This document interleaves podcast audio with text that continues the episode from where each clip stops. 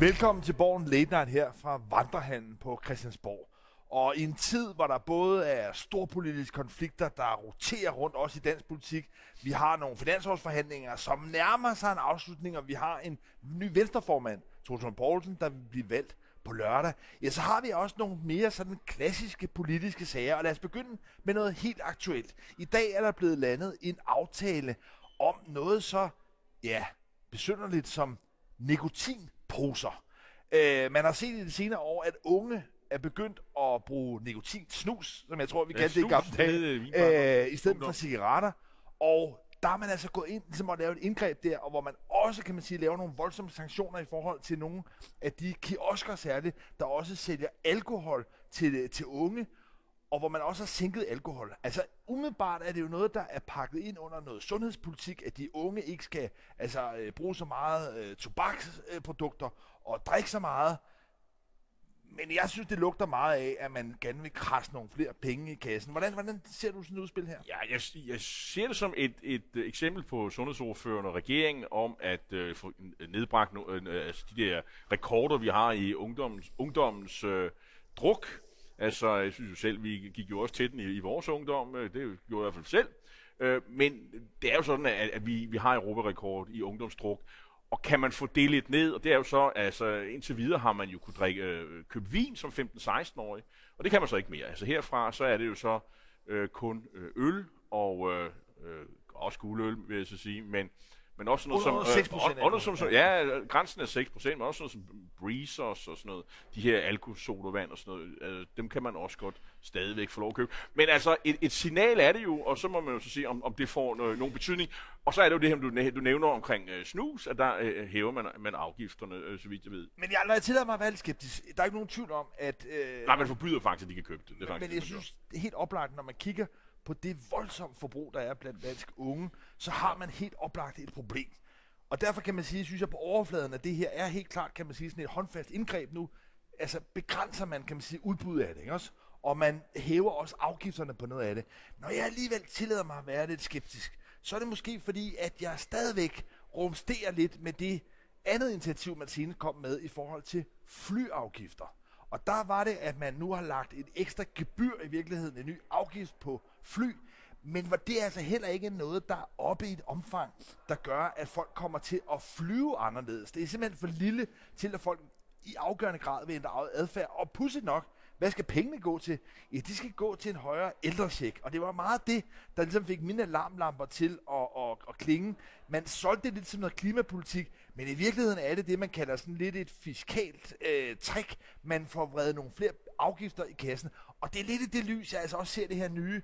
Det handler om, at man ligesom vil have nogle flere afgiftskroner ind på de her tobaksprodukter. Jamen, som jeg forstår det, øh, altså, så er det jo... Øh, øh,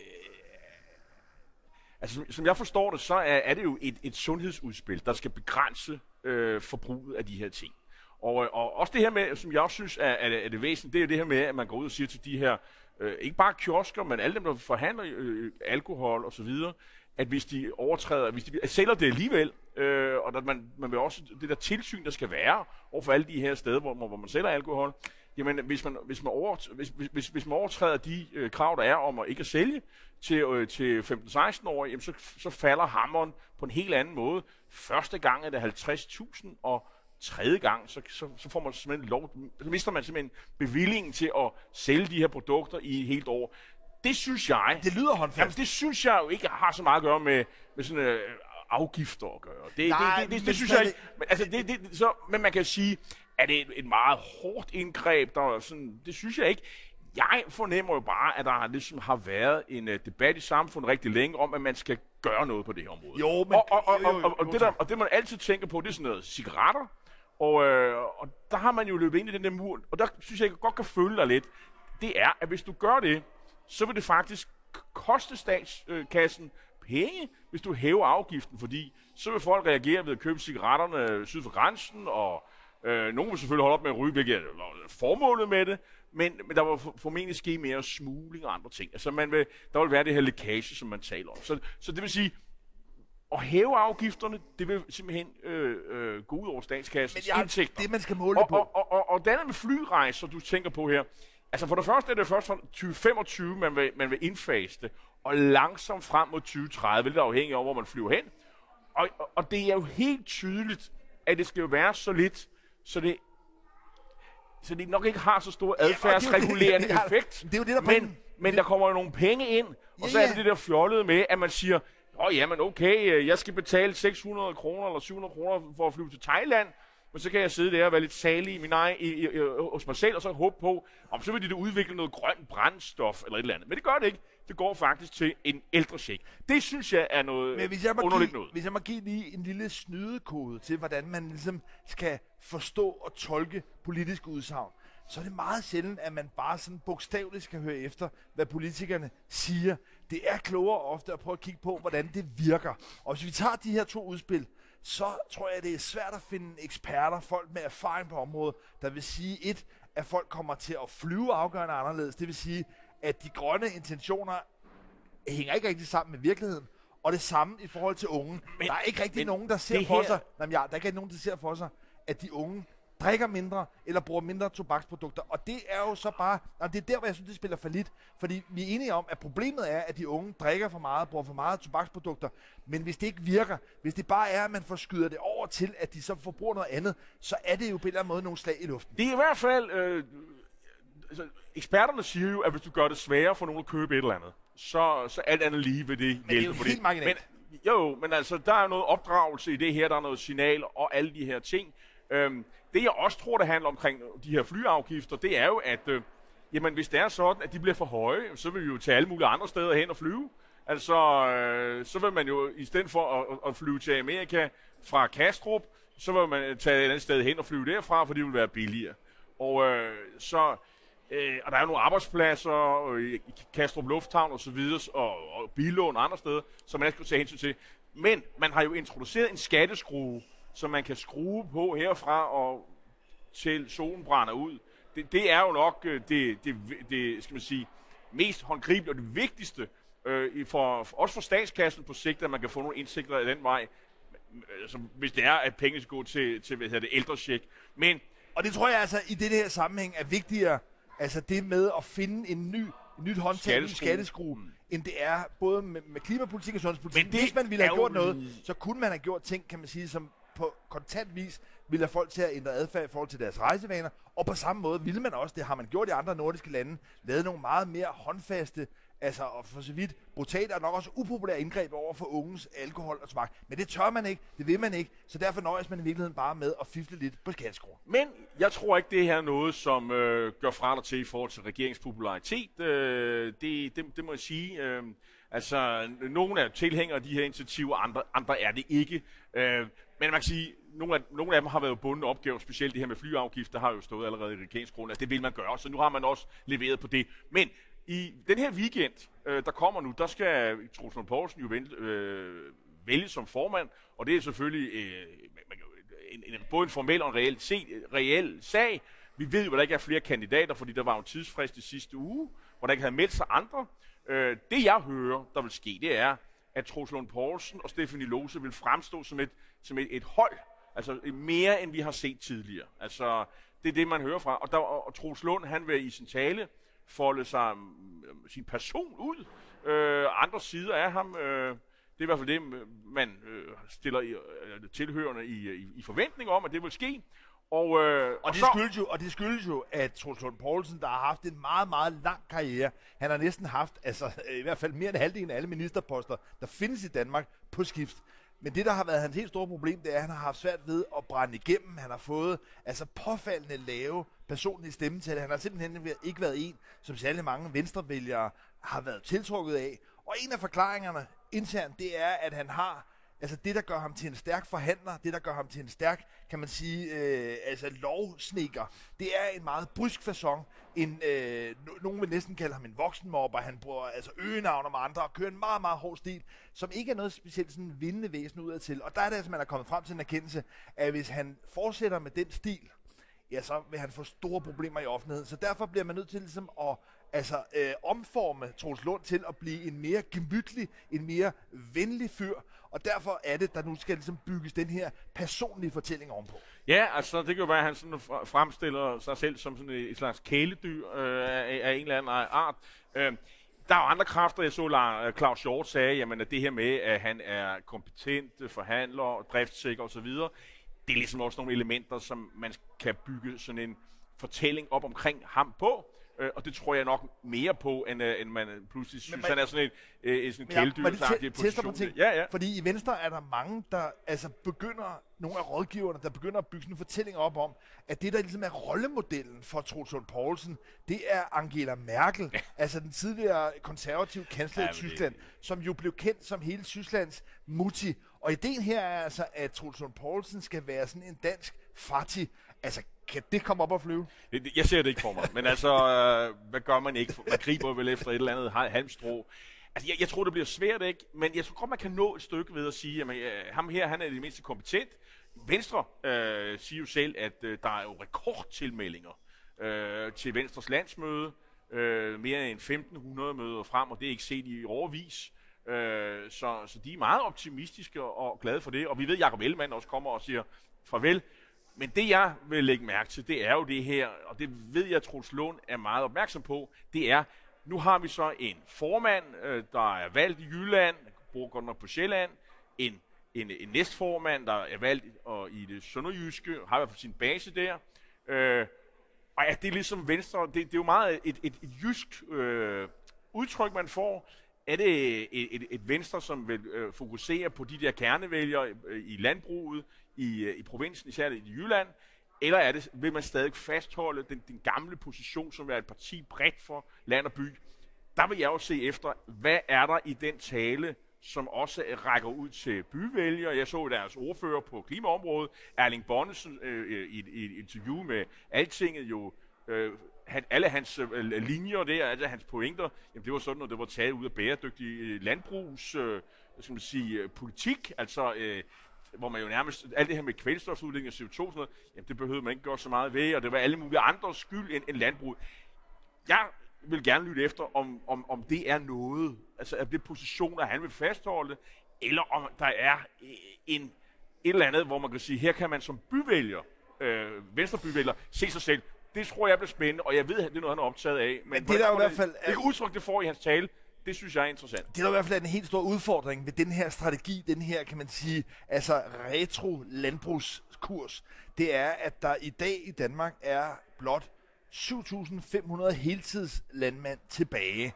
Og selv hvis du dykker ned i Venstres vælgere, så er det kun 3% af Venstres vælgere, der identificerer sig som landmænd. Så vi er altså ude i, at der formentlig er lige så mange, i hvert fald elektrikere eksempelvis, som øh, stemmer på, på Venstre, som der er landmænd. Så det er ikke længere noget, men, selv i Venstre, men, der udgør nogen særlig stor tyngde. Men, men Lars, du kan godt være kulturel landmænd op i hovedet, og, og sige, det er også en vigtig del af identiteten, og, og mange, af- det gør vi jo alle sammen, hvis man går lang, langt nok tilbage, så har vi jo alle sammen en, en baggrund i landbruget, øh, men i Jylland og de steder, hvor der sidder folk i organisationen, der skal man altså ikke så mange år tilbage, hvor, hvor landbrug og landbrugsforhold øh, stadigvæk var vigtige, og det er lidt, lidt, lidt det, der er Venstres problem.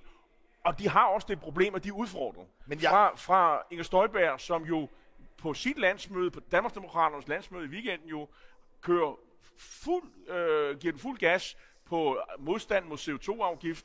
De kører annoncer, som vi jo varslede allerede i, i, i det forrige program. Øh, og det var så slemt, øh, synes jeg jo, at, eller i hvert fald bizart, at man havde inviteret Landbrug Fødevares øh, formand ind øh, i, til landsmødet, hvor man jo havde gjort sig, man var helt kategorisk imod CO2, hvor han sagde, og det er jo ligesom ham, der ligesom, det er ham, og hans medlemmer, man spiller op til, og, og gerne vil have tale, at han synes egentlig, at de skulle drosle den modstand ned, sætte sig ind til forhandlingsbordet og få øh, nogle, øh, altså påvirke det af den vej.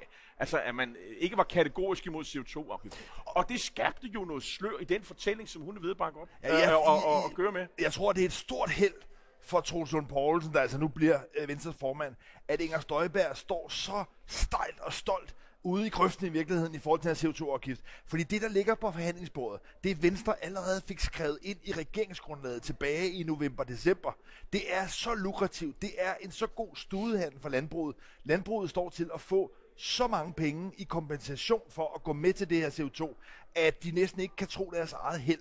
Så i det lys, og det er jo Troels Lund Poulsen, der ganske gunstigt nu vil være formand, der på en eller anden måde kan tage æren for det, men det er altså noget, der blev skrevet ind allerede altså for et år siden. Men det, at Inger Støjberg står udenfor med korslagte arme og nægter at være med i det, det tror jeg vil vise sig at være en fejltagelse for hende, fordi det resultat, det er kontante afregninger, der ligger til landmændene, det er så godt. Så jeg tror, at det ender med i virkeligheden at blive positivt. Og i hvert fald, hvor det nu vil være Troels Lund Poulsen, der en og alene kan tage æren for det. Men øh, det, det, det memo har hun simpelthen ikke fået, øh, Lars, fordi hun kører øh, fuld drøn øh, og, og, og kører som en kampagne. Øh, og det er selvfølgelig håb om, at øh, der er sure venstrefolk, der smutter over til øh, Danmarksdemokraterne. Der var der en, en måling her i går, der viste, at Danmarksdemokraterne var over øh, 10 procent af stemmerne. Øh, så en eller anden effekt har der måske været Og det kan være, øh, på det- den her kampagne. Og jeg tror, mange af de vælgere, der måske af det, det er nogen, der er så meget, det du kalder kulturelle landmænd, at de faktisk slet ikke har noget med landbruget at gøre. Længere. For jeg tror, at rigtig mange af dem, der er i landbrug og fødevare, er repræsenteret også ved deres øh, formand, Søren Søndergaard, det er, at de faktisk ser, kan man sige, pengene i den her aftale. Men, men, men, der, men der er også det, altså der var, nu kan man jo nævne alting igen, som jeg også havde en reportage fra Landbrug og Fødevares årsmøde, hvor at, at, dem, der talte, og jeg vil ikke sige, at de var repræsentative alle sammen, men, men det, det var jo øh, sådan nærmest klimabenægtende holdninger, altså øh, som de, de kom med. Altså de, de nægter at se, at, øh, at CO2-afgiften havde nogen berettelse, og, og klima, hvad hedder det, kvælstofudledning, det var heller ikke noget problem. Altså, så, så jeg, er ikke, jeg er ikke helt sikker på, at det som Martin Mæhl, som er formanden for Landbrug Fødevare, at det han siger, at det er noget, som alle hans medlemmer siger. Der er begge holdninger. Øh, og, og, og, og man skal huske bæredygtig landbrug, som er sådan en lidt mere militante organisation. Altså mange af de her øh, la- landmænd, de, er de er jo medlemmer begge steder. Jo, jo, men, men tak. Men, men jeg forstår udmærket godt, at mange af landmændene også har en fortælling om, at de hellere ville være uden landbrugsstøtte og stå på egne ben. Men de tager nu glædeligt imod checken, når den kommer. Det er næsten 7 milliarder kroner, der bliver leveret. Og på samme måde her, den aftale, som ligger på bordet, som Troels Lund får æren for, ja, ikke alene vil alle pengene fra CO2-afgiften blive ført direkte tilbage til landbruget, men den grønne fond, og det er altså, synes jeg, er et ret interessant fænomen. For nogle år siden blev der i forbindelse med, med hele klimalovgivningen lavet noget, der hed en grøn fond. Det var i høj grad enhedslisten, der drev det igennem. I enhedslisten omtalte man det selv som Franks fond, altså opkaldt efter Frank Aaen. Der ligger et meget stort tocifret milliardbeløb, og de penge, Ja, de er sådan set ikke på forhånd defineret, og rigtig meget tyder lige nu på, at det er Troels Lund, der formår at vikle de her penge ud af Franks fond, altså den røde fond, over til omstilling af landbruget. Så der er sådan set penge at hente, og det er i hele den studehandel, at jeg tror, at nogle af de mest for, hårdnakkede fornægtere hos Dan- Danmarksdemokraterne forregner sig en lille smule, for det er altså et historisk godt tilbud, der tegner til at ligge til landbruget. I dag er også en øh, særlig dag, fordi det er i dag, der er første behandling af Koranloven. Er det ikke rigtigt? Det er det. Lige her om øh, få timer, der øh, vil den blive førstebehandlet. Det er jo som alle lover, de skal behandles tre gange. Men på forhånd tegner der sig nu ikke alene et flertal, det har vi vist hele tiden, fordi at den her regering har sit eget flertal, men de radikale har også øh, meldt sig ind, og dermed er der det, som regeringen altså bare betoner i alle sager, at de gerne vil have mindst et andet parti med, og det er også lykkedes her. Og det er jo ikke kun fordi, man også kunne kalde for Koran, Bibelen og Torah-lovgivning. Det er, sådan, de, de er sådan, de, øh, det er de sk- hellige skrifter, kan man sige, som øh, øh, godkendt øh, trosamfund øh, øh, abonnerer på, øh, kunne man sige. Øhm, så det, det må man ikke i visse situationer, øh, øh, man må ikke brænde den med i offentligheden og mange andre ting. Men i, vi kalder det Koranloven, og, øh, og det, er jo, det er jo en sag, som optager sindet så meget, at øh, øh, der er jo krævet, at, at, at når vi når frem til en anden og tredje behandling i, i, øh, i begyndelsen af december, jamen så har dem, der er imod den her lovgivning, og der er nogen på højre side og på venstre side, jamen de har krævet, at øh, alle øh, folketingsmedlemmer, de skal være til stede i salen, og så man kan se, hvad de stemmer. Og det betyder faktisk, at øh, der ryger på dage, hvor man skal forhandle finanslov, og det presser kalenderen en smule. I øjeblikket er det jo sådan, at øh, sidst jeg øh, talte med Finansministeriet, så er de jo glade, fordi der er jo ikke et eneste politisk parti, der har forladt forhandlingerne. Alle er jo glade. Det er også en finanslov, hvor der ikke rigtig skal spares, kan man sige. Øh, men der er jo ikke så meget forhandlingsreserve. Der er ikke så meget at komme efter. Regeringen har jo sit flertal på plads. Men, øh, men der er også krav for adskillige milliarder af kroner for alle de her. Og det er jo ikke med alle de her krav, som kan blive honoreret. Og så bliver det jo spændende, øh, om hvem der finder døren ud, og hvem der vil blive inde i lokalet. Og der tror jeg, vi nærmer os øh, en, øh, et udskillingsløb, Øh, men jeg tror stadigvæk, det bliver en ret bred finanslov faktisk. Øh, men vi skal hen slutningen af måneden, begyndelsen af december, så ifølge planen, så har vi en finanslov på plads. Men Lars, det er jo sket før, det er trukket ud.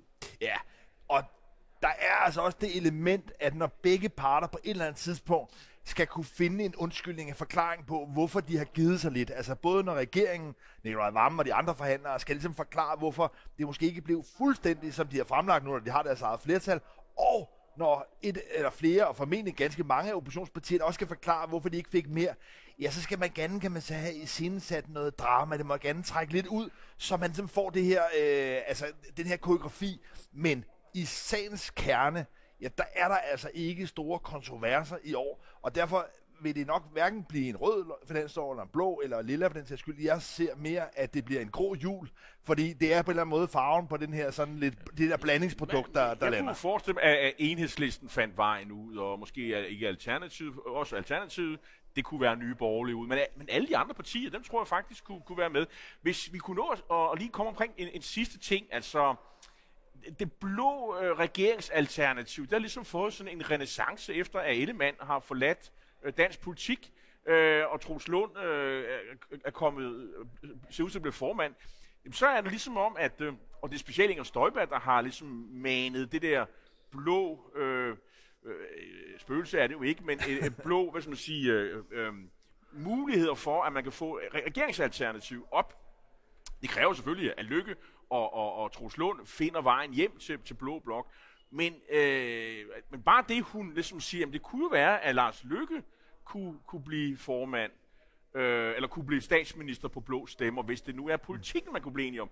Jamen det gør jo så, at Dansk Folkeparti rykker ud, og Anders Vistisen så, og, og, og, og siger, altså der er jo en kamp om stemmerne der, og siger, det kan vi ikke være med til. Lars Lykke han er, der er alle mulige ting, vi er uenige med, og der var altså hans synspunkt omkring udlænding og, og udlændingepolitik, der kan vi ikke være med. Men der er jo sådan en debat, hvor jeg har lidt indtryk af, at Støjberg kæmper meget for at få det der øh, regeringsalternativ, blå regeringsalternativ, til at fremstå som noget, der er muligt. Og ja, det er på mange måder lykkedes. Lars Lykkes muligheder for igen for tredje gang at blive statsminister, de er vokset betragteligt efter den her weekend. For det er nu igen et spørgsmål om, skal det være Lars Lykke efter næste valg, eller Mette Frederiksen? Det jeg til, vil tillade mig at konkludere her, efter at Lars Lykkes altså muligheder igen er, er kommet op, det er, at sandsynligheden for, at vi får et valg, den er altså virkelig blevet udskudt. Hvis der er én ting, statsminister Mette Frederiksen ikke ønsker sig inden for en overskuelig fremtid, så er det at udløse et valg, hvor det her scenarie kunne øh, træde frem. Men det er altså på mange måder Lars Lykke, der er poppet op. Det er altså en fantastisk øh, figur, en fortælling at følge, at Lars Lykke nu for tredje gang begynder at være i spil fra de øh, blå partier. Men inden alt det der sker, og der går lang tid det ene med dig i, så, så kan det jo godt være, at vi allerede næste uge snakker om en øh, stor eller en lille, nok en lille regeringsrokade, hvor i hvert fald øh, øh, Stefanie Lose bliver ny minister. Og hvad der så ellers skal ske, det må vi jo så se. Øh, men det var alt for os den her tirsdag. Tak fordi I så med. Vi er tilbage igen i næste uge.